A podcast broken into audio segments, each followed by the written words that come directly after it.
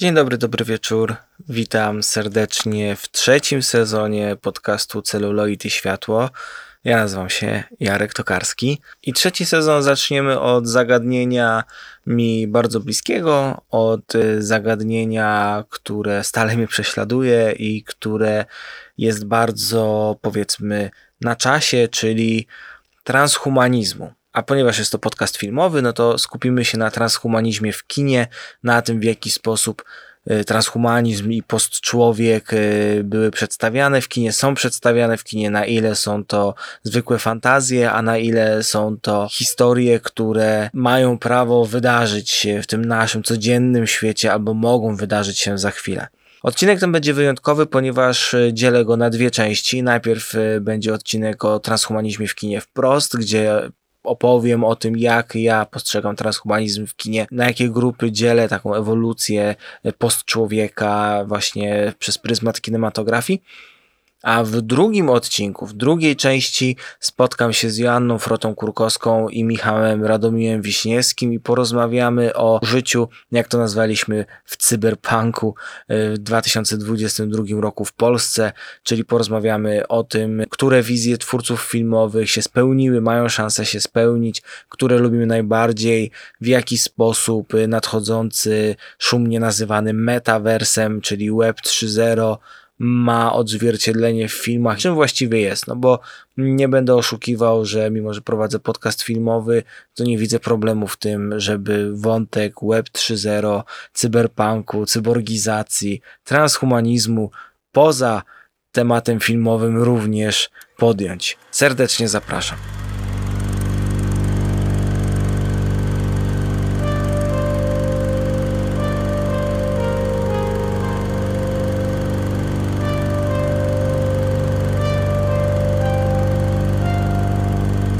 Zanim przejdę do transhumanizmu w kinie, myślę, że powinienem powiedzieć trochę o samym transhumanizmie, po prostu. Czym jest, czym jest transhumanizm, postczłowiek, cyborgizacja, czy to wszystko to są rzeczy, które widzieliśmy tylko w filmach science fiction, czy to są rzeczy, które widzimy obok nas. Jakby zagadnienie jest bardzo szerokie, e, uprzedzenia wobec niego są ogromne, a tak naprawdę to wszystko dzieje się e, już dawno i wokół nas. Transhumanizm jest e, przede wszystkim ruchem intelektualnym, kulturowym, a nawet politycznym, który w swoich postulatach ma możliwość i także potrzebę, ale oczywiście nie narzucania wykorzystania nauki, techniki, technologii, w szczególności technologii z działów e, neurotechnologii, biotechnologii, też nanotechnologii, do przede wszystkim przezwyciężania ludzkich słabości, do przezwyciężania naszych ograniczeń, poprawy kondycji człowieka. Mm, wiele teraz dzieje się przede wszystkim oczywiście w Dolinie Krzemowej ze względu na startupy, na to, że y, tam żyją marzyciele, ale też żyją tam korporacje. O tym jeszcze będę też mówił, w jaki sposób korporacje podchodzą do transhumanizmu i dlaczego warto y, trzymać rękę na pulsie i przyglądać się temu, co robią. Więc obecnie właśnie Dolina Krzemowa to jest takie światowe centrum startupów cyborgizmu, y, transhumanizmu, chociaż y, transhumanizm do Kalifornii dotarł dopiero gdzieś tak w latach 80. XX wieku, a prekursorem transhumanizmu jest Rosjanin Nikołaj Fiodorow, który był bibliotekarzem y, i był przyjacielem Tołstoja i przede wszystkim był marzycielem. Jednym z jego marzeń było, żeby wskrzesić wszystkie poprzednie pokolenia, kolonizować inne planety, więc jakby jego marzenia, jego spojrzenie naprawdę sięgało wiele, wiele dalej, ale jego pomysły, które wydawały się na początku bardzo szalone, mm, w sowieckiej Rosji, gdzie przede wszystkim miejsce religii zajęła wiara w postęp, w naukę, trafiły na dość podatny grunt, i w, po II wojnie światowej transhumanizm wciąż był bardziej popularny w Związku Radzieckim, a nie na, na Zachodzie, gdzie oczywiście też transhumanizm w Wielkiej Brytanii też miał swój przyczółek, bo stamtąd pochodził profesor Kevin Warwick, który był cybernetykiem z Uniwersytetu w Coventry. Mm, to był naukowiec, który w ogóle szczepił sobie pod skórę chip, był uznany za pierwszego cyborga. Transhumaniści wspierają wszystkie najnowsze technologie, też wiele kontrowersyjnych, takie jak właśnie wspomniane już nanotechnologia czy biotechnologia, mm, technologia informacyjna, ale też skupiają się przy takich bardziej humanistycznych sprawach, jak kognitywistyka, sztuczna inteligencja przede wszystkim, e, no i rzeczy, które są nadal hipotetyczne, a bardzo często mm, brane na warsztat przez kino, czyli transfer umysłu i kryonika, czyli zamrażanie e, ciała i odmrażanie go potem, na przykład po latach, żeby żyć dalej, prawda? E, zawsze mi się przypomina, jak myślę o kryonice i o tym, jak faktycznie nie do końca jest to coś, co mm, będzie w pełni możliwe. Przypomina mi się film Hibernatus z Louis Define. Wracając. Wiele osób y, uważa, w tym ja, że tempo postępu zwiększa się tempo postępu zwiększa się i z roku na rok coraz więcej y, rzeczy jest nam bliższych, ponieważ jest to już taka lawina. Każde kolejne odkrycie, każdy kolejny postęp technologiczny napędza kilka kolejnych, też często przez przypadek. I takie zastosowanie innowacji też bardzo kontrowersyjnych, na przykład takich jak inżynieria genetyczna czy neurofarmaceutyki, ale też po prostu ulepszone protezy, bo protezy to też cyborgizacja, do tego jeszcze dojdę. E, I bezpośredni interfejs mózg-komputer są już faktycznie e, praktycznie codziennością. Głównym celem e, transhumanizmu jest właśnie polepszanie kondycji ludzkiej, coraz większa inkluzywność, przede wszystkim też dla osób z niepełnosprawnościami. Te cele, takie jak wyeliminowanie się no, starzenia, które jest y, takim marzeniem od zawsze, a do tego też jeszcze dojdę nawet do religijnego aspektu tego, czy właśnie rozszerzenia możliwości umysłowych, fizycznych przez cyborgizację, właśnie też fizjologicznych, y, to jest y, coś, co jest głównym takim właśnie celem mm, transhumanizmu, do określenia potomków lub następców człowieka, który istnieje w tej chwili, który dzięki technologii będzie superior, czyli, czyli jakby trochę wyżej od, od człowieka, po prostu to jest postczłowiek i używa się tego pojęcia dlatego, że dzięki temu poszerzonemu pojęciu wobec zwykłego człowieka, człowieka po prostu bez żadnych, y, żadnego takiego wsparcia technologicznego byłoby dość mylące, a wiele technologii, które już są uznawane za transhumanistyczne i są jakby faktycznie częścią postczłowieka, to są na przykład rzeczy, które są masowo stosowane. Takie jak przede wszystkim szczepionki, bo dają odporność na choroby, na które no nie jesteśmy odporni od urodzenia. Implanty, protezy, przeszczepy narządów, które zastępują nieregenerujące się organy, które zostały uszkodzone lub się zużyły. Czy chociażby chirurgia plastyczna. W tej chwili w trakcie badań i z bardzo dobrymi wynikami mamy implanty mózgowe, które są e, implantami przekazującymi sygnały bez bezpośrednio do wzroków i dzięki temu mamy protezy wzroku, interfejsy mózg-komputer, e, cyfrowy słuch, oczywiście medycyna regeneracyjna, no i też hipotetyczne rzeczy takie jak właśnie na przykład transfer umysłu, czy sztuczna inteligencja, o których e, więcej powiem e, dochodząc już do przykładów filmowych, bo zawsze to trochę łatwiej jest z naocznym przykładem.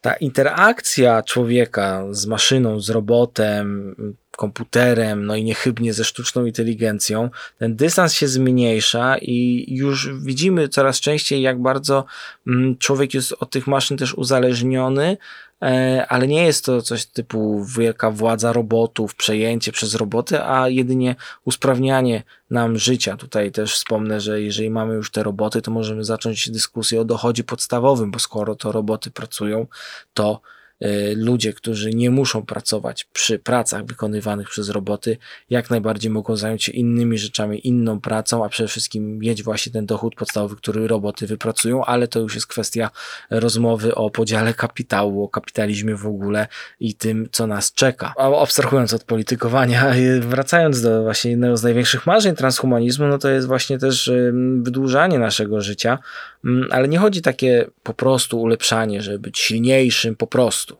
żeby być szybszym, żeby być bardziej wydajnym, e, a raczej o wzmocnienie takich też e, możliwości po, po, poznawczych. To nie jest taka idea samego poprawiania dla poprawiania, chociaż oczywiście jest to idea, która jest bardzo szeroka, ale podstawą transhumanizmu właśnie tego pójścia dalej jest przede wszystkim przywrócenie każdemu ciału, każdemu człowiekowi tych podstawowych funkcji, a nawet rozwijanie ich e, dalej.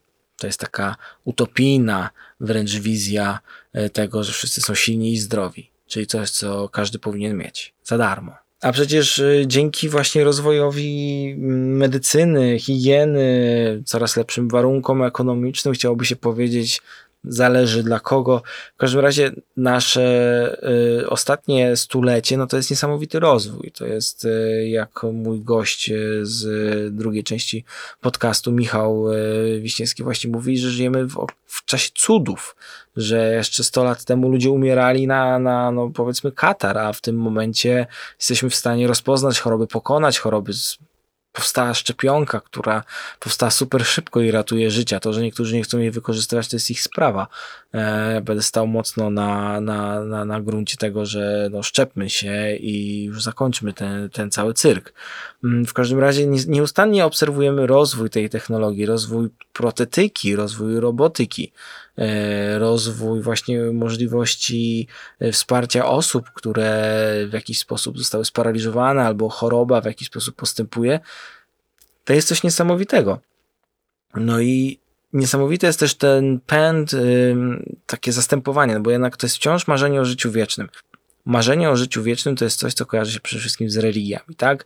Religia chrześcijańska, która y, daje y, odpowiedź, że życie wieczne osiąga się dzięki zbawieniu.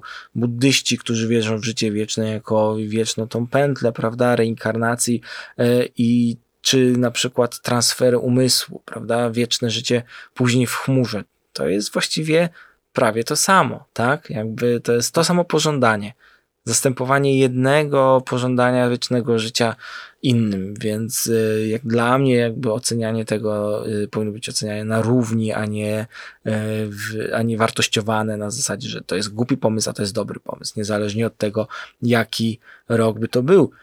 A dlaczego o tym mówię też? Ponieważ Ada Florentyna Pawlak, prawniczka i antropolożka technologii, wiceprezeska Towarzystwa Etyki i Filozofii techniki w jednym z wywiadów e, wspominała o bardzo ciekawej sytuacji, która zaszła w 2013 roku. E, podczas transhumanistycznej konferencji Global Future 2045 w Nowym Jorku brali udział w niej m.in. dyrektor inżynierii Google Ray Kurzweil, Dalai Lama i patriarcha Kościoła Prawosławnego. I Dalai Lama tłumaczył, że transhumanizm bliski jest procesowi nirwany, ewolucji świadomości ludzkiego ducha wiodącego do wyzwolenia się z ciała. I środowisko technologiczne zastępuje środowisko naturalne. Pojawia się reaktywacja tego myślenia mitologicznego, którą Pawlak określa mianem technoanimizmu.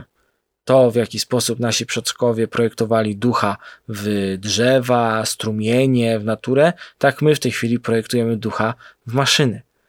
I Pawlak podsumowuje to, że transhumanizm to jest po prostu nowa mitologia współczesności towarzysząca rewolucji technologicznej. Myślę, że lepiej tego e, ująć e, też się nie da. Kino daje nam bardzo dużo pytań a bardzo niewiele odpowiedzi też być może. A ja uważam osobiście, że najlepsze filmy są te, które dają nam bardzo mało odpowiedzi, a zadają bardzo dużo pytań. Mamy te seriale jak Black Mirror, który przecież jest wielce ostrzegającym przede wszystkim, tak? Twoja mama na baterię, tylko bardziej, więc bój się rozwoju technologii, bo zadaje pytania i trochę straszy, no bo co to będzie, kiedy naszą świadomość gdzieś się przeniesie albo zreplikuje co się wydarzy, kiedy roboty osiągną samoświadomość i będą chciały się zemścić, co zresztą podejmuje też e, cała seria Terminator. Co jeżeli sztuczna inteligencja będzie chciała wyzwolić się ze swojego ciała?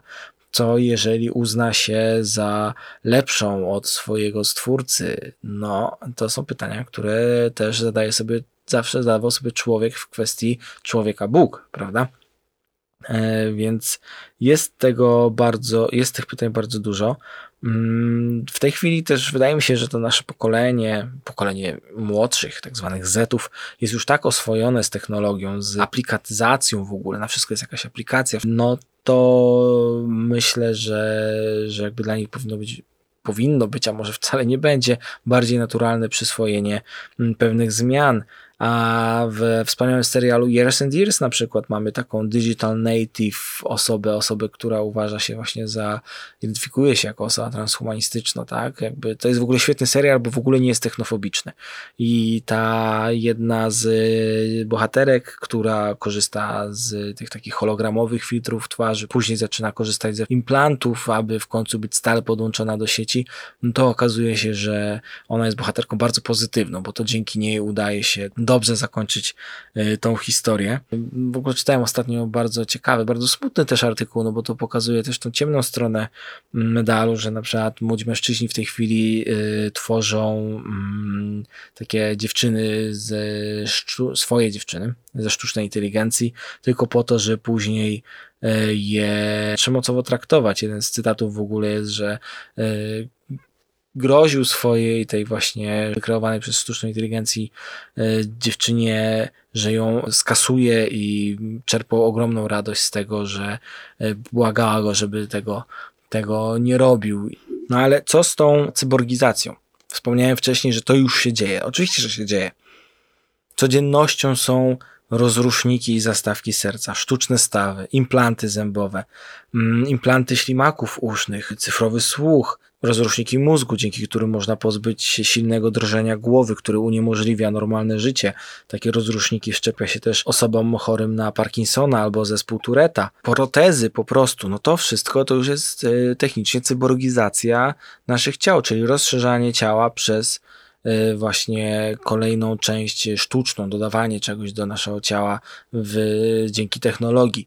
E, już okulary w jakiś sposób nawet poprawiające wzrok, no to już jest e, poszerzenie tej, e, tego, naszego, tego naszego ciała i wsparcie wzroku. Używanie telefonów komórkowych to już jest cyborgizacja, no bo jeżeli rozmawiamy z kimś na odległość w ten sposób, albo mamy włączonego FaceTime'a czy inny videokol, i widzimy tą osobę, to też już jest przeniesienie, przeniesienie zmysłów i rozwinięcie technicznie. Oczywiście istnieją ludzie, którzy określają się jako cyborgi, najbardziej znani najbardziej ulubieni przeze mnie, czyli Neil Harbison i Moon Ribas. E, Moon Ribas jest artystką, która wszczepiła sobie na przykład implant, dzięki któremu odczuwa mm, ruchy tektoniczne Ziemi. Jej implant cały czas pobiera informacje na temat ruchów tektonicznych i ona tworzy sztukę, ponieważ tańczy w rytm tych, tych ruchów i jedną z jakichś tak większych, wielkich e, trzęsień ziemi, na przykład kiedyś w środku nocy ją zbudziło, ponieważ wibracja tego implantu była tak mocna, że aż myślała, że maszyna jej się e, rozkalibrowała. A Neil Harbison jest osobą, która cierpi na achromatopsję, czyli skrajny daltonizm. Harbison widzi właściwie wszystko w szarościach i Harbison żyje i chodzi z taką antenką nad głową, która ma wbudowaną kamerę. Ta kamera odczytuje kolory, także kolory, których nie widzi ludzkie oko i zamienia je na dźwięk, który słyszy Harbison. On w ten sposób nauczył się słyszeć kolory. I okazuje się, że rozpoznaje w tej chwili kolory nawet lepiej niż człowiek, który ma zdrowy wzrok, bo widzi ich e, wiele więcej. I został pierwszym oficjalnym cyborgiem, ponieważ ma nawet paszport, w którym może mieć zdjęcie właśnie z tym elementem, e, bo to jest tak jakby proteza e, jego narządu wzroku. I razem z, razem z e, Monribas właśnie on napisał e, deklarację praw cyborga i razem tworzą także fundację cyborgiczną. E, myślę, że dobrym przykładem też takiego, mam nadzieję, że to nie jest na wyrost, znaczy moim zdaniem nie jest, jest zmarły niedawno Pius, Karol Nowakowski, raper, pierwszy na świecie człowiek, który miał właśnie cyfrowy słuch, bo nowotwór wyniszczył jego nerwy słuchowe i Pius jako bardzo jakby no wielki bohater w tym kontekście y, poddał się w pełni badaniom, poddał się w pełni tej eksperymentalnej terapii wszczepienia tego cyfrowego słuchu, nagrał po tym płytę i dzięki jego odwadze tak naprawdę mnóstwo ludzi w tej chwili z cyfrowego słuchu może korzystać. Więc warto o tym y, również pamiętać, a śmierć Piusa jest jedną z bardziej przykrych informacji tego roku, który dopiero się zaczął. W każdym razie Pius przy, przyczynił się właśnie dzięki, no jakby nie patrzeć, transhumanistycznemu podejściu do, do, do, do życia y, i, i, i, i wsparł wiele, y, wiele swoim, swoimi, swoimi, swoim oddaniem wiele, wiele osób. Tak samo zresztą Philip O'Keefe, który cierpi na stwardnienie zanikowe boczne. Całkiem niedawno e, opublikował pierwszego tweeta na Twitterze yy, za pomocą myśli, ponieważ yy, opracowano szalenie fascynującą i wspaniałą technologię, dzięki której właśnie za pomocą myśli yy, może sterować komputerem i działa to w ten sposób, że czujnik rozpoznający sygnały właśnie neuronowe uczy się jakby algorytmu języka tych sygnałów wysyłanych przez, y, przez człowieka i Dla przykładu działa to tak, że kiedy yy, O'Keefe myślał o ruszeniu prawą piętą, to wtedy kursor idzie w dół. Kiedy myśli o czymś innym, kursor idzie w górę. Jakby rozumiecie, jakby proste nauczenie się, nauczenie algorytmu działania i w ten sposób właśnie bez używania klawiatury y, O'Keefe napisał tweeta. W pełni myślowo tweeta, który brzmi No need for keystrokes or voices. I created this tweet just by thinking it. Hello World BCI, czyli żadnych klawiatur, żadnego głosu, stworzyłem tego tweeta tylko myśląc. Teoretycznie tylko myśląc, no bo mm, czytając takiego tweeta możemy pomyśleć, że aha, pomyślał o to zdanie i to się pojawiło na ekranie. Oczywiście nie.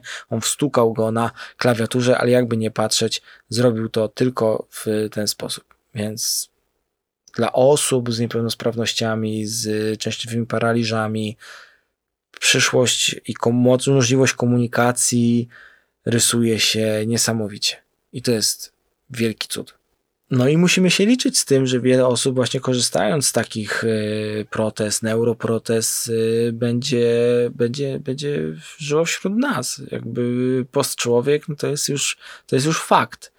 Tylko musimy zmienić też y, to postrzeganie, tak, że osoba z protezą to wcale nie jest tak, że jest osoba, która jest wybrakowana w jakiś sposób, a jest raczej osobą, która ze względu na choroby, wypadek, etc., etc., może pójść o krok e, ewolucyjny dalej. No to jest też ta, ta cała dyskusja na temat Oskara Pistoriusa, który z protezami nóg do biegania y, chciał biec w, y, w biegach nie paraolimpiady, a y, olimpiady po prostu. Jest też Peter Scott Morgan, który choruje na stwardnienie rozsiane i właśnie walcząc z chorobą powoli staje się takim full filmowym cyborgiem. On przyjmuje coraz więcej właśnie tych protez, coraz więcej e, neuroprzekaźników, stara się rozwijać, rozwijać swoje, swoje ciało. Dużo rzeczy robi też eksperymentalnych, no ale w historii nauki dużo, dużo rzeczy było wyśmiewanych, dużo rzeczy było szalonym konceptem i czasami nawet coś, co nie było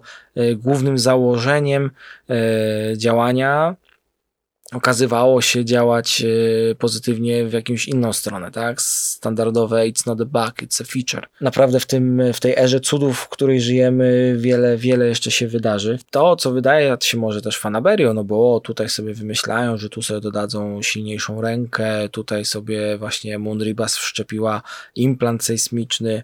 Mm, naprawdę wiele tych, e, wiele tych e, zabiegów to jest coś, co będzie, będzie ratowało życie, a cyborgi są w tym momencie tak naprawdę pionierami. Trzeba oczywiście uważać, bo wokół nich zawsze krążą oczywiście jak sępy, kapitaliści, jacyś inwestorzy, którzy yy, nagle zmieniają to wszystko w startupy i próbują, próbują to spieniężyć jeżeli wyjdzie z tego coś dobrego, no to okej, okay, niech będzie, ale zawsze trzeba uważać, no bo korporacje to przecież korporacje. Jednocześnie ktoś może powiedzieć, o, a czy oni się nie boją, że jeżeli sprzedadzą się korporacji, to stracą właśnie przykład do reszty prywatność? No, no raczej nie, bo te osoby są tego świadome, co robią i tego, co udostępniają, e, a jak można mówić też o strachu przed utratą prywatności albo strachu przed szczepieniami, że szczepią nam chipa i będą nas siedzieć, skoro ludzie non-stop mają ze sobą swoje telefony, non-stop są online, non-stop przesyłają dane do sieci. Jakby boją się śledzenia przez CIA, kiedy sami non-stop wpuszczają, e, wpuszczają na stronę społecznościową wielkiej korporacji prawie każdą informację. Najgłośniej zazwyczaj też niestety krzyczą o tym ci, którzy mm, tej prywatności praktycznie e, nawet nie wiedzą, że nie pilnują. No dobrze, ale przejdźmy teraz do rzeczy, czyli jak w kinie pokazywany jest i był transhumanizm. Ja myślę, że najpierw będzie, jeżeli podzielę to też na takie grupy, o czym mówią filmy, w jaki sposób pokazują to filmy. E, najczęściej to jest związane z cyborgami, właśnie androidami, ale nie tylko. To wszystko się opiera oczywiście na modyfikacjach ciała, bo cielesność jest głównym motywem kina, które myśli o transhumanizmie. Wiele mniej jest e, filmów, które skupiają się tylko na przykład na części związanej z transferem umysłowym, etc. Mamy więc kilka grup pokazywania motywów transhumanistycznych w kinie. Mm, przede wszystkim człowiek, w którym mamy cyborgizację następującą przez prostetykę. To są filmy typu Elysium, Upgrade czy Robocop. Filmy, w których y, człowiek staje się maszyną i właściwie nie może funkcjonować już bez prostetyki, bez implantów, bez połączenia z komputerem. No to jest przede wszystkim filmy z serii Ghost in the Shell, Matrix. Podzieliłbym też to też na maszynę i człowieka, w których mamy pełne połączenie na zasadzie nie maszyny komputerowej, a maszyny maszyny, metalu, y, drutów y, i tak dalej, i tak dalej. Jakiegoś takiego postindustrialnego właściwie nawet spojrzenia. Tutaj przenikają się już motywy, prawda? Jednocześnie znowu Robocop, znowu Ghost in the Shell trochę, ale też mamy faktycznego postczłowieka, czyli Blade Runner, Titan czy Tetsuo i mamy też biozmiany w człowieku, czyli filmy, w których widzimy człowieka zmieniającego się e, biologicznie przez mutacje genetyczne, na przykład ze względu na różne wpływy technologii e, i nie tylko na, na jego ciało, i po prostu androidy, roboty, systemy operacyjne i sztuczna inteligencja. Zacznę od tego człowieka i cyborgizacji przez prostetykę.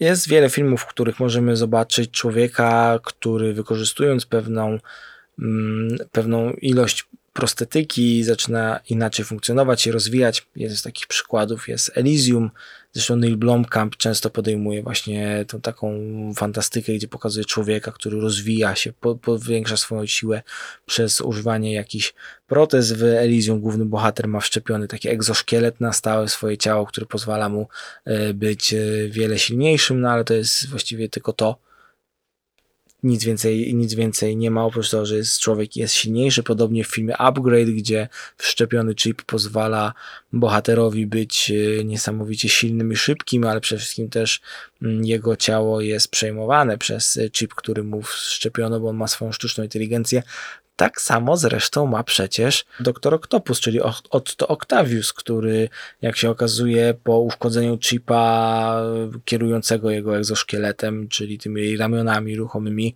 e, sprawił, że to ramiona kierowały nim, a nie on ramionami. W pewnym momencie w tych filmach ilość implantów zaczyna przejmować właściwie ciało człowieka.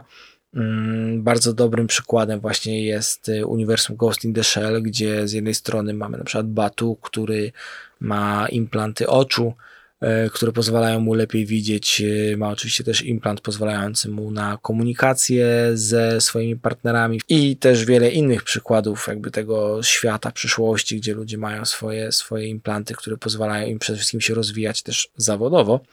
E, no ale e, skrajnym już motywem jest główna bohaterka, czyli Major Kusanagi.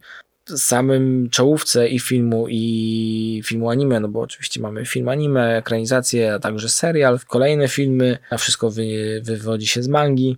Mm, widzimy proces serwisowania mm, jakby jej ciała, jej organizmu, bo oglądamy cyborga, który właśnie e, jest, jest ciało człowieka, którego elementy y, są taką obudową y, dla maszyny. Jej ciało staje się już gigantycznym mm, implantem, a właściwie y, taką jedną wielką protezą.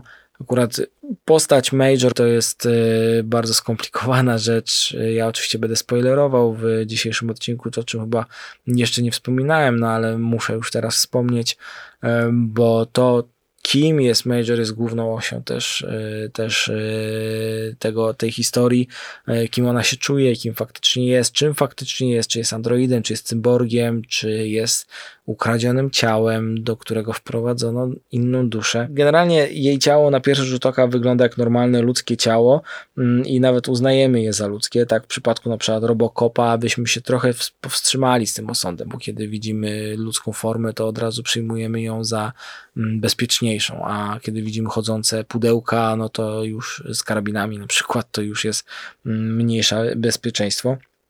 No i Robocop zresztą pamiętamy, on się porusza bardzo kanciasto, więc on jest faktycznie robotem, a Major jest absolutnie nietoporną maszyną, jest właściwie przecież piękną kobietą. Tutaj możemy przejść do całego wątku seksualizacji też robotów już od filmu Metropolis Fritza Langa, tego, że y, kobiece roboty, femboty tak zwane zawsze są jakimś tam mm, seksualizowanym spełnieniem y, fantazji, a mężczyźni są pokazywani jako tacy właśnie silne, wielkie roboty, e, co, co jest jak najbardziej motywem e, przewijającym się przez science fiction od lat e, i bardzo też mizoginistycznym, a nie feministycznym, który w jednych filmach jest bardziej, a w innych mniej albo wcale mm, też krytykowany, więc jestem bardzo ciekawy zresztą rozwoju tego motywu w science fiction. E, w każdym razie mm, w obu przypadkach i Robocopa i Ghost in the Shell mamy dwie, mm, dwie stuprocentowe tak naprawdę niby maszyny, a tak naprawdę mamy przecież do czynienia z człowiekiem, bo mimo tej manifestacji jakby wizualnej maszyny, to są wciąż e, ludzie, to są dusze, te duchy Ghost in the Shell, tak? Ten zresztą duch w skorupie był polski tytuł. Taki bardzo dziwny. W każdym razie duch w maszynie, po prostu, przepraszam. Tym i co ich odróżnia jest to, że właśnie mają tą duszę, są osobami, które zostały jakby zamknięte w cudzysłowie w tym pudełku i świadomość, w Robocopie jest to w ogóle dosłownie organiczny mózg i świadomość mm, bohatera, czyli Alexa Marfiego, tam jest ograniczona przez oprogramowanie. Tam jest zresztą świetna scena, kiedy on zaczyna z tym oprogramowaniem walczyć i je, je musi nadpisać. Tutaj dochodzi też sytuacja z manipulacją pamięcią, nadpisywaniem wspomnień, wkładaniem innych wspomnień w głowy bohaterów e, tych, tych filmów. I to jest właśnie najczęściej to pytanie, które te filmy też podejmują, na ile jest to człowiek, skoro wygląda jak człowiek. Bo kiedy pojawiają się już też androidy, to wszystko zaczyna się komplikować. Zanim przejdziemy do androidów, bądźmy jeszcze chwilę tak bardzo przyziemnie, czyli maszyna i człowiek i to pełne połączenie i zależność wobec, wobec siebie, czyli te filmy, w których e, obserwujemy maszynę w pełni, e, łączącą się z człowiekiem dosłownie, nie na zasadzie też prostytyki, co jakieś tam właśnie takiej industrialnego e, mariażu. To są właściwie rzeczy, które od zawsze pobudzały wyobraźnię twórców takich jak no, przede wszystkim David Cronenberg i David Lynch. W Głowie do wycierania i nawet w Człowieku Słoniu Lyncha, no oczywiście u Cronenberga e, w wielu filmach, e, żeby wspomnieć tylko Shivers, Rabbit czy Videodrome, no ale też przede wszystkim bardzo łączący się z współczesnym szokującym według e, wielu nagłówków filmem, mm, czyli Titan, Julie Ducournau, mm, Crash, czyli film o ludziach, których e, podniecają wypadki samochodowe i tylko wtedy mogą e, w pełni się seksualnie spełnić. Dlaczego wspominam Crash przed Titan? No, generalnie na samym początku, kiedy pojawiły się trailery filmu Titan, no to zaczęto mówić właśnie, że o, o, proszę bardzo, zżyna Crash. To nie jest zżyna Crash, to jest po prostu cudowne ewolucyjne dziecko tego filmu. Ludzie, których podnieca jazda samochodem i powodowanie wypadków samochodowych e, tutaj przechodzi w miłość i pożądanie człowieka, kobiety wobec e, samochodu dosłownie, bo o tym jest między innymi Titan. Jest to jeden z wielu, wielu wątków w ogóle. Niby powinienem ostrzegać przed spoilerami, ale to jest tak fantastyczny film, z którym dzieją się takie rzeczy, że opowiadając o tym filmie nie da się go zaspoilerować, bo to jest coś niewyobrażalnego. E, skupię się w kontekście naszych rozważań przede wszystkim na wątku właśnie mm, człowiek-maszyna. Na początku filmu oglądamy małą Aleksę, która jedzie z samochodem ze swoim ojcem i bardzo przeszkadza mu w czasie jazdy, przez co doprowadza do wypadku samochodowego, przez co po skomplikowanej operacji zostaje jej mm, w głowie tytanowa, tytanowa płytka to dziecko jest pokazane jak Jezus na ikonografii w tym całym koronie cierniowej zrobionej z metalu, który utrzymuje jej głowę prosto po tej operacji. Mała Aleksja wychodzi ze szpitala i przytula się od razu do samochodu. Jakby mając tą tytanową płytkę już zaczyna być post człowiekiem właśnie. To jest przecież jej proteza i zbliża się do tego samochodu. Następnie widzimy Aleksję, która już jest dorosła i jest tancerką erotyczną, jedną z najbardziej popularnych i rozchwytywanych. I ona tańczy, e, jak wiele innych kobiet, na samochodach. Ma swoich oddanych fanów, którzy, jak się okazuje, też e, bardzo przesadzają. W tym, w tym uwielbieniu dla niej i po jednym z takich spotkań Aleksja musi się wykąpać, no bo generalnie gościa zabiła, więc jest cała brudna. I kiedy Aleksja się kąpie, w drzwi uderza coś i przestraszona Aleksja wychodzi z, wychodzi spod prysznica, wychodzi do garażu, gdzie stoi samochód do którego ona wsiada i to auto, jak ten taki lowrider zaczyna podskakiwać coraz mocniej potem przybitkę na Aleksję siedzącą w środku i okazuje się, że oglądamy tak naprawdę stosunek seksualny między Aleksją a tym samochodem. Jak o tym mówię, jak ktoś filmu nie widział, to pewnie nie potrafi sobie tego wyobrazić, bo to jest niewyobrażalne i ten samochód tak podskakuje cały czas, jak właśnie te wszystkie lowridery. To jest fantastyczna metafora, bo ten samochód to jest przecież metafora yy, męskiego, męskiego przyrodzenia i takiego przedłużania sobie przyrodzenia właśnie jakimiś samochodami, bajerami, no bo po co więcej są lowridery, które są tak odpicowane, które mają podskakiwać, co one rekompensują, prawda? Jakby jaki ten faliczny też tak naprawdę i ruch i wygląd e, samochodu, co reprezentuje. I po tym stosunku Aleksji raz z tym samochodem, Aleksja zachodzi z nim w ciążę. Smar wylewa jej się z krocza, wylewa jej się także mm, w dalszej części filmu, także z piersi, kiedy zamiast mleka właśnie cieknie jej, e, cieknie, cieknie jej smar, kiedy ona się zdrapuje, to już w tym ciążowym brzuchu zaczyna mieć też tak jakby taką samą płytkę, mm, jej ciało się zamienia w taką tytanową płytkę, jak taką, którą ma w głowie. I to jest też wspaniała metafora, że ten samochód wykorzystywany przez mężczyzn, tak, w tym patriarchalnym podejściu pokazywania sobie, co to on nie ma. I ona jako kobieta to oni, oni, oni we dwójkę odsuwają się od potrzeby mężczyzny z boku i razem tworzą nowe życie, nowy gatunek człowieka, ponieważ na końcu filmu, uwaga, spoiler, możecie włączyć sobie teraz zegarek i przez 20 sekund mm, będę mówił sam koniec filmu.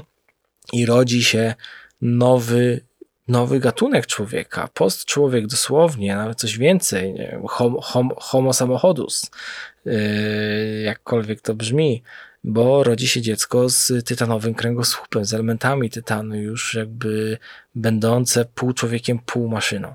Jest to niesamowita metafora, niesamowity film w ogóle i więcej o nim można by mówić i mówić i wszyscy o nim mówią, a wszyscy powinni go przede wszystkim oglądać i ja to polecam y, wszystkim jak najbardziej i podobna podobna właśnie um, Podobne połączenie się z maszyną oglądamy w filmie Tetsuo Shini Tsukamoto. Niezależny body horror, metal horror. Niesamowity film. E, niesamowity film, którym treść koresponduje z formą. Taki rwany montaż, dużo stop motion, takiego chaosu jak ta ewoluująca postać. Mm, to jest w ogóle prawdziwy człowiek z żelaza, nie film Wajdy, e, tylko Tetsuo, to jest Iron Man, człowiek z żelaza. E, Tesło to jest historia mężczyzny, który zaczyna przejawiać, no jakby to powiedzieć, no zmienia się w maszynę.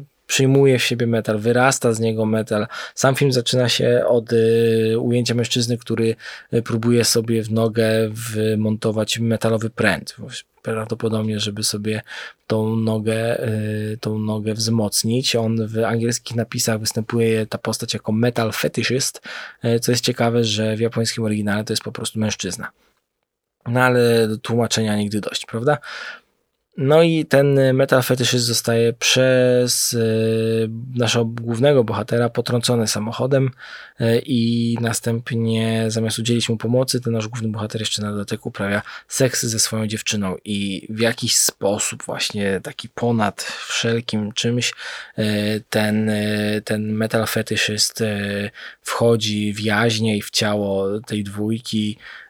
Mamy tam wiele hardkorowych, prze, przedziwnych y, sytuacji, łącznie z wiertłem w miejscu krocza, e, żeby skończył się ten film na tym, na, na, na faktycznym połączeniu się z otoczeniem, z maszyną, ze wszystkim metalowym. To też jest takie nie do opowiedzenia. Jeżeli ktoś nie widział Tetsuo Iron Man, no to niech zobaczy chociażby obrazki i zrozumie o czym mówię. Mamy tutaj właśnie takiego post-człowieka, który staje się maszyną, żeby być silny, żeby zdobywać świat. W ogóle to jest dość ciekawe, że głównym bohaterem nazywa się Tetsuo, tak jak bohater z filmu Akira, o którym też będę wspominał, mm, gdzie też do takiego połączenia ze wszystkim wokół, z kablami, z metalem, z przedmiotami, mm, nas również, również następuje. Tym takim spojrzeniu na Titan, na E, też e, na Blade Runnera, bo okazuje się w Blade Runner 2049 Descartes miał dziecko z, z Rachel, czyli jakby Android miał dziecko z człowiekiem, czyli to też jest kolejny gatunek, kolejny postczłowiek. No wiele z tych tytułów, o których też wcześniej wspominałem i te, o których omawiam, no to pokazują bardzo upiorne też przemiany. Te rezultaty nie są nawet bardzo ludzkie, ani pożądane też, one też nie są z drugiej strony nieludzkie, są po prostu nieodgadnione. Są jakby taką nieznaną hybrydą. No i ta groteskowa, często potworność, e, która jest w efekcie, no jest bardzo ciekawa. To jest taki złom obok, obok e, tych pożądanych cyborgów, prawda? Ale jak najbardziej organiczny, będący faktycznym procesem ewolucji. A na przeciwległym krańcu tego spojrzenia na człowieka, który staje się właśnie, łączy się z maszyną, z metalem, z faktycznym przedmiotem, mamy też człowieka i następujące w nim biozmiany, które są równie, jeśli nie bardziej brutalne gdzie ciało przestaje funkcjonować, właściwie ciało przejmuje kontrolę nad, nad człowiekiem, nad jego, nad jego E, świadomością. Siła tego ciała zaczyna działać wbrew woli. Ta manifestacja w ogóle pochodzi z samego środka ciała. No i takie coś obserwujemy na przykład właśnie w Akirze albo w Dystrykcie dziewiątym.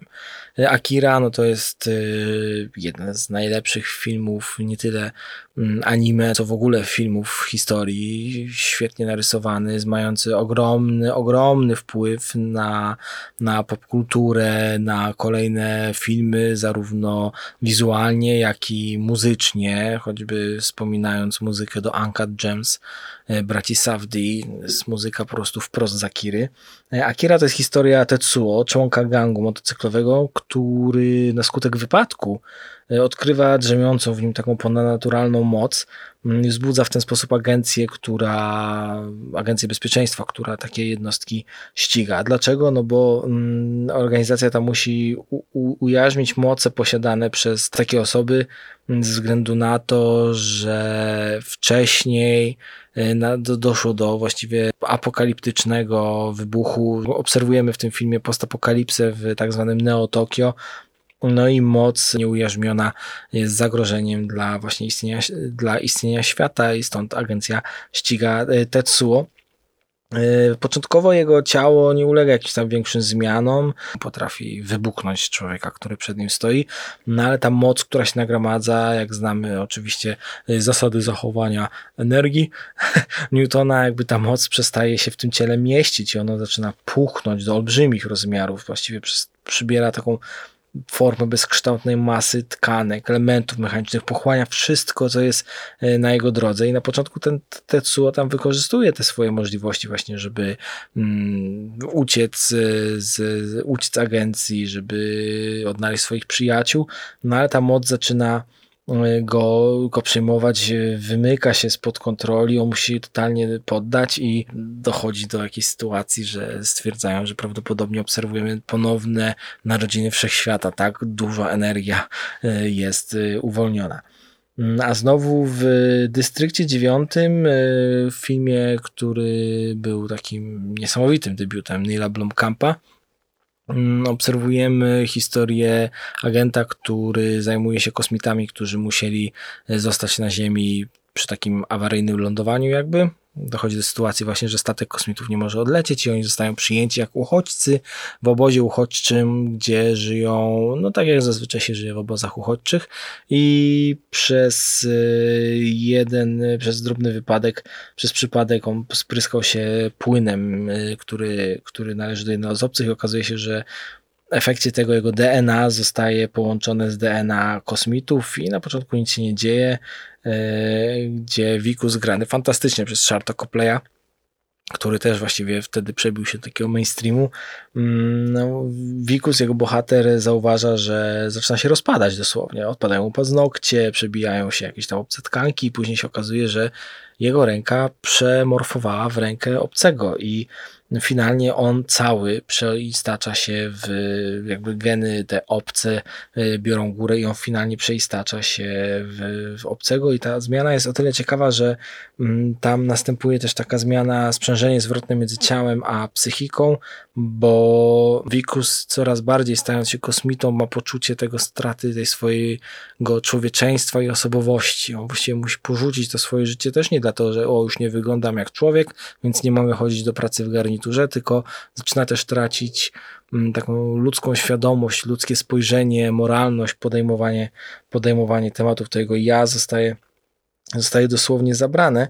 No i nie wiemy, kim on na końcu historii jest, bo widzimy inne ciało, jego charakter też trochę uległ zmianie, ale y, kim on właściwie w tym momencie jest, nie wiemy i film też nie daje nam tej odpowiedzi. Bardzo ciekawy też wpływ y, właśnie zmiany świadomości na ciało, na postrzeganie mamy w filmie Arrival Denis Villeneuve, z Amy Adams w roli głównej, gdzie na warsztat jest wzięta teoria Safira Wolfa, która mówi o tym, że ze względu na język i w jaki sposób jest używany, nasza osobowość się zmienia. To jest ten motyw, że kiedy mówimy po angielsku, kiedy mówimy po francusku, kiedy mówimy po polsku, wydaje nam się, że mamy właściwie inne cechy osobowości. Właśnie w Arrival nasza bohaterka ucząc się języka obcych y, doprowadza do tego, że zaczyna funkcjonować nielinearnie na przestrzeni czasu. Jakby czas przestaje być dla niej linearny i to się wszystko to dzieje, taka zmiana właśnie transhumanistyczna. Ona staje się postczłowiekiem w ten sposób, bez zmiany może fizycznej, y, zewnętrznej, ale ze zmianą ewolucyjną samego mózgu. Mm, więc, e, więc to jest też bardzo ciekawy przykład. No i to pokazuje, jak bardzo przywiązujemy wagę do takiej konstrukcji tożsamości, tego, kiedy jesteśmy ja, kiedy moje ciało mówi, że to jestem ja, tak samo jak przy tym uczłowieczaniu robotów i sylwetek robotów, że jeżeli robot wygląda jak człowiek, to o wiele szybciej go mm, zaakceptujemy e, w naszej obecności i, i i mu zaufamy, a może też wbrew pozorom nie, mając jakiś tam problem. Te, określenie tej granicy jest bardzo trudne. Kolejną kategorią są androidy, roboty, systemy operacyjne, Człowiek w chmurze, czyli filmy takie jak Hair, Spike'a Jonesa, e, Nieudana, a z bardzo ciekawym konceptem Transcendencja, e, Waltera Feistera, e, ale też seriale Westworld czy odcinek San Junipero z Black Mirror. W Her Spike'a Jonesa mamy ciekawą sytuację, ponieważ oglądamy romans y, głównego bohatera, człowieka granego przez Joaquina Phoenixa, który instaluje sobie system operacyjny mający sztuczną inteligencję, wybiera żeńską odsłonę i w tej roli jako głos tylko jest Scarlett Johansson. On początkowo jest dość sceptyczny, a następnie właśnie mają bardzo duży romans, mimo braku cielesności, to i tak y, y, zaczynają jakby być parą. Ten romans pada, kiedy okazuje się, że dzięki temu, że ona jest tą sztuczną inteligencją, to ona prowadzi kilka, kilkanaście nawet takich związków naraz. I to jest dość interesujące, bo to jest pytanie, czy ta poliamoria, która, w której funkcjonuje Samantha, to jest rozwój intelektualny i emocjonalny, ewolucja dalej, pozwalająca na, na, na podejście do tego, e, czy nie. Ale ten film jest też o tyle ciekawy, że oglądamy, słuchamy w nim e, Scarlett Johansson, która właśnie gra mm, główną postać e, w tym filmie. Scarlett Johansson gra też główną postać w filmie Lucy, w którym e, bohaterka dosłownie idzie w drugą stronę, jako człowiek zmienia się pod wpływem jakiejś substancji w, w sieć komputerową, w sztuczną inteligencję. Scarlett Johansson grała w filmowej adaptacji Ghost in the Shell również. Scarlett Johansson grała w Under the Skin. To, jak często ona jest wybierana jako bohaterka, to też mówi trochę o tej sytuacji, o której wcześniej wspominałem, z tą seksualizacją postaci Fembota. Ona jakby jako chyba, jak to, nie wiem, uznać y, najponętniejsza, jako jakaś taka najbardziej atrakcyjna osoba. Do takich ról jest brana ze względu właśnie na to skorelowanie jej z, z idealnością człowie, człowieczego ciała. Co jest ciekawe też, dlaczego Scarlett Johansson została też wybrana do roli w Her, no bo słyszymy, że to jest jej głos, wiemy, że to ona, więc widz już sobie raczej wyobraża tą postać, więc od razu mm, cieplej, bardziej zrozumiale myśli o tym romansie między bohaterem a głosem ze sztucznej inteligencji. Czy gdyby to był głos y, mechaniczny, czy głos aktorki, która jest nierozpoznawalna dla nas, czy ta akceptacja takiego związku, takiego spojrzenia, o, zakochał się w, mm, zakochał się w GPS-ie, czy ona miałaby wtedy większy, mniej, mniejszy impact, czy mniejsze zrozumienie. No to jest bardzo ciekawy wątek zresztą. A w samym Transcendence y, Wolego Feistera z Johnem Deppem w roli głównej mamy bardzo ciekawy pomysł na bohatera, który okazuje się, że umiera. Zostaje postrzelony pociskiem z radioaktywną substancją i przed nim y, zostaje kilka tygodni życia, ponieważ on pracuje w, w, przy, przy tworzeniu sztucznej inteligencji. Mm, w, w momencie krytycznym decyduje się wraz ze swoją partnerką, że jego mózg zostanie przetransferowany do komputera po prostu. Okazuje się, że kiedy on już jest sprowadzony do komputera, on ewoluuje, uczy się, rozwija super szybko. Kiedy tylko się budzi, mówi, że musi mieć jak najwięcej y, procesorów do rozwoju i on za chwilę musi też wykupić jak najwięcej akcji na giełdzie. Się okazuje, że on tam na giełdzie wygrywa nie wiadomo jaką sumę i buduje sobie jakąś bazę, dzięki której no nam się zaczynają dziać bardzo dziwne rzeczy y, i cały, cały koncept trafia szlak i bardzo ciekawy film y, no jakby rozmywa się. Mm, w tym wszystkim, ale interesujące są. Mm, interesujące jest to, że mimo wszystko, żeby funkcjonować w tym świecie, ten bohater y, pracuje nad technologią, która pozwala przede wszystkim na początku leczyć ranę, a na końcu zbudować prawdziwe ciało i on wraca jako człowiek, ale czy to jest ta sama osoba? Tam cały czas jest dywagacja, czy ta zgrana, zgrany do, do chmury. Człowiek, który się rozwinął, jest już programem komputerowym, który nabiera teraz ciała i próbuje, próbuje czymś być zupełnie inaczej niż w San Junipero, gdzie mm, mamy ciało, które jest stare i, i albo sparaliżowane i tam bohaterki się przenoszą do tego świata San Junipero są zgrane do chmury, no ale to jest to właśnie ciągłe parcie za, za życiem wiecznym, prawda, o którym już, e, już wcześniej wspominałem. I tak samo taki transfer mamy w filmie Chapi, gdzie mamy robota, który trochę oszalał, to jest Neil Blomkamp znowu. E, I, I na sam koniec tego filmu bohaterka główna ginie, ale w ostatniej chwili jej mózg zostaje właśnie zgrany na pendrive'a, tak jakby i wrzucona zostaje do robota. I teraz jest pytanie, czy to jest wciąż ta sama osoba? Mm, no, to samo pytanie zadaje jeden z odcinków y, Ghost in the Shell Standalone Complex, w, w którym mężczyzna transferuje przed śmiercią swoją właśnie świadomość swojego ducha do czołgu, który budował w filmie, w którym był zatrudniony, y, wiedząc o swojej nieuchronnej śmierci, ponieważ jego rodzina, która wyznawała jakąś tam religię, to właśnie religijnie sprzeciwiała się cyborgizacji ciała, która pozwoli, aby mu e, nadal żyć e, i on w tej ostatniej chwili zgrywa się do tego czołgu i rusza na spotkanie z rodzicami. Wszyscy myślą, że on rusza tam, żeby mm, się zemścić, tych rodziców zabić, a okazuje się, że chce pochwalić swoje, pochwalić się swoim nowym ciałem, zapytać się, co o nim sądzą, ale niestety zostaje zdezaktywowany, zaatakowany przez służby bezpieczeństwa. I to jest bardzo ciekawe, no bo to jest wciąż ta sama postać, to jest wciąż, to jest wciąż ta sama osoba, to jest wciąż ta sama świadomość, no ale zapakował się do silnego, wielkiego czołgu. Czy to, że nie załadował się do robota wyglądającego jak człowiek, yy, coś zmienia? On nawet zadaje pytanie rodzicom w ostatniej chwili, jak wam się podoba moje nowe ciało. Czy człowiek jest postrzegany jako człowiek tylko wtedy, kiedy jego świadomość jest w czymś, co przypomina nam człowieka? Czy będzie w ten sposób? W innym odcinku z e, właśnie Ghost in the Shell e, Standalone Complex szef korporacji umyślnie ładuje swoją świadomość nie w robota bardzo przypominającego człowieka, tylko e, w robota, który wygląda jak taka chodząca popielniczka, ze względu na to, żeby był właśnie odbierany jako nie ten człowiek, a po prostu coś, z czym robi się interesy.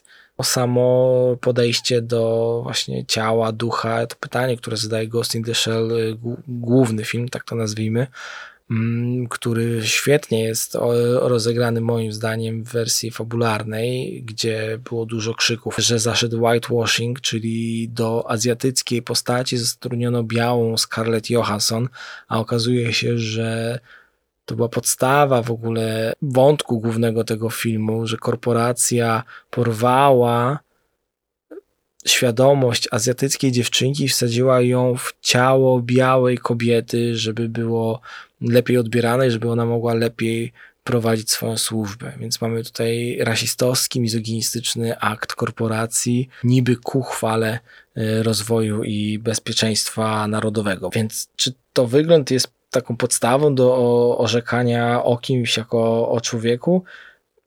W takim świecie cyberpunkowym to można nawet pytać, czy posiadanie ciała czyni cię człowiekiem. Czy wystarczy, że jesteś świadomością w chmurze? Przypomina mi się przede wszystkim też e, Ex Machina Alexa Garlanda, o której dużo mówię w pierwszym odcinku pierwszego sezonu. Od tego zaczął się podcast od Alexa Garlanda, gdzie Awa, główna bohaterka, tak nazwijmy, właśnie androidka. Awa jest zrobiona na podobieństwo człowieka, bardzo ponętnej też kobiety. Jak się okazuje, wykorzystywana przez tego swojego stwórcę też seksualnie, jak każda kolejna inna androidka. E, no bo czemu by nie, jak to mówi bohater. Mm, jej człowieczeństwo doprowadza do tego, że zatrudniony do, do, do rozpoznania, do przeprowadzenia testów, bohater sam zaczyna wątpić w swoje człowieczeństwo. Dopiero zranienie siebie, zobaczenie krwi na swojej ręce e, sprawia, że on to człowieczeństwo odzyskuje, jakby tak, tą taką stabilność psychiczną w spotkaniu z tą androidką. Mm, bardzo ciekawy jest zresztą tytuł tego filmu, no bo to jest Ex Machina, czyli Deus Ex Machina, czyli w wolnym tłumaczeniu Bóg z maszyny. Nagle mamy tylko Ex Machina i to jest taki tytuł z dwóch stron. Z jednej strony Bóg z maszyny zostaje wywalony, nie ma już tego Deus, jest tylko Ex Machina, mm, czyli bo bohaterka przecież zabija tych swoich twórców, pozbywa się swoich bogów, swoich stwórców tak naprawdę. E, no i też kiedy ucieka, okazuje się, że widzi zupełnie inaczej świat niż my, ale chce być postrzegana jako samo, samoistna istota, więc już jest ex machiną, już nie jest maszyną jest czymś nowym, jest post człowiekiem albo jakimś nowym gatunkiem w ogóle. Więcej o Ex Machinie, jak mówię, w pierwszym odcinku pierwszego sezonu podcastu Celuloid i Światu.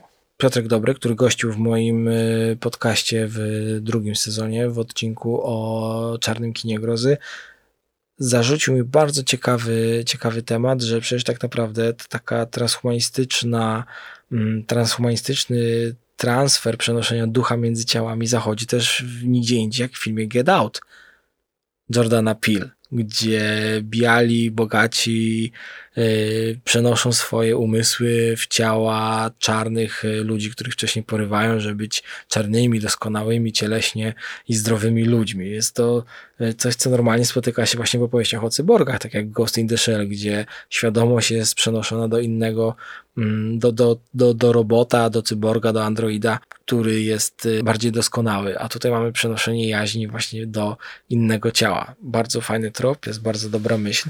No i to wszystko to jest pytanie, które zadaje i Ghost in the Shell też, i też film Posesor y, młodego Brandona Cronenberga, syna Davida Cronenberga, w którym mamy sytuację, gdzie przejmujący y, na pewien czas ciało agent nagle w wyniku jakiegoś błędu w ciele znajdują się dwie świadomości, które zaczynają ze sobą walczyć. Czyli nieważne, co jest ciałem, jaka jest skorupa, czy wymazanie tych wspomnień. No pytanie jest, czy ten mózg w słoiku tak naprawdę, przenoszenie go między innymi słoikami, co czyni osobę osobą, postać postacią, człowieka człowiekiem. Zresztą, czy, czy incepcja Christophera Nolana też nie działała na tym motywie? Oczywiście, że tak. Ludzie wchodzili w świadomość innego człowieka, aby mm, czegoś, czegoś dokonać totalnie transhumanistyczny transfer, transfer, transfer danych. Jeżeli jesteśmy przy transferze danych, no to oczywiście musimy wspomnieć o, o, o tym, co się dzieje z ciałem, gdy człowiek już jest w systemie komputerowym, kiedy jego świadomość już sobie jest tam gdzieś w wirtualnej rzeczywistości, czyli oczywiście mm, tak jak w Matrixie na przykład, gdzie nasze ciała były źródłem energii dla maszyn. Szkoda, że właśnie producenci chcieli to u, u, uprościć i wrzucić do tego motywu, że ludzie bateryjki. No i właśnie co się dzieje, kiedy to ciało sobie jest e, w inkubatorze, tak jakby.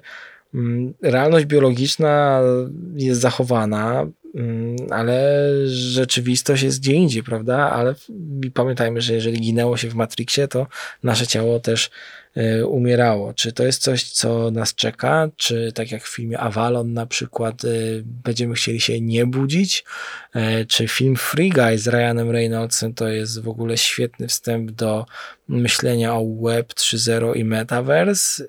No, to są pytania, na które odpowiem w drugiej części tego odcinka w rozmowie z Joanną Frotą Kurkowską i Michałem Radomijem Wiśniewskim, więc jeżeli już skończyliście słuchać ten odcinek, drugi odcinek jest już y, dostępny, nie ma oczekiwania, one wrzucone są oba naraz. A za wysłuchanie tego odcinka bardzo dziękuję.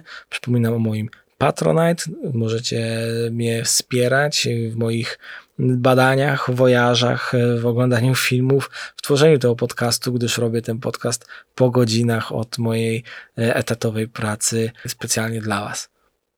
Więc zapraszam do kolejnego odcinka i za wysłuchanie tego odcinka bardzo już dziękuję.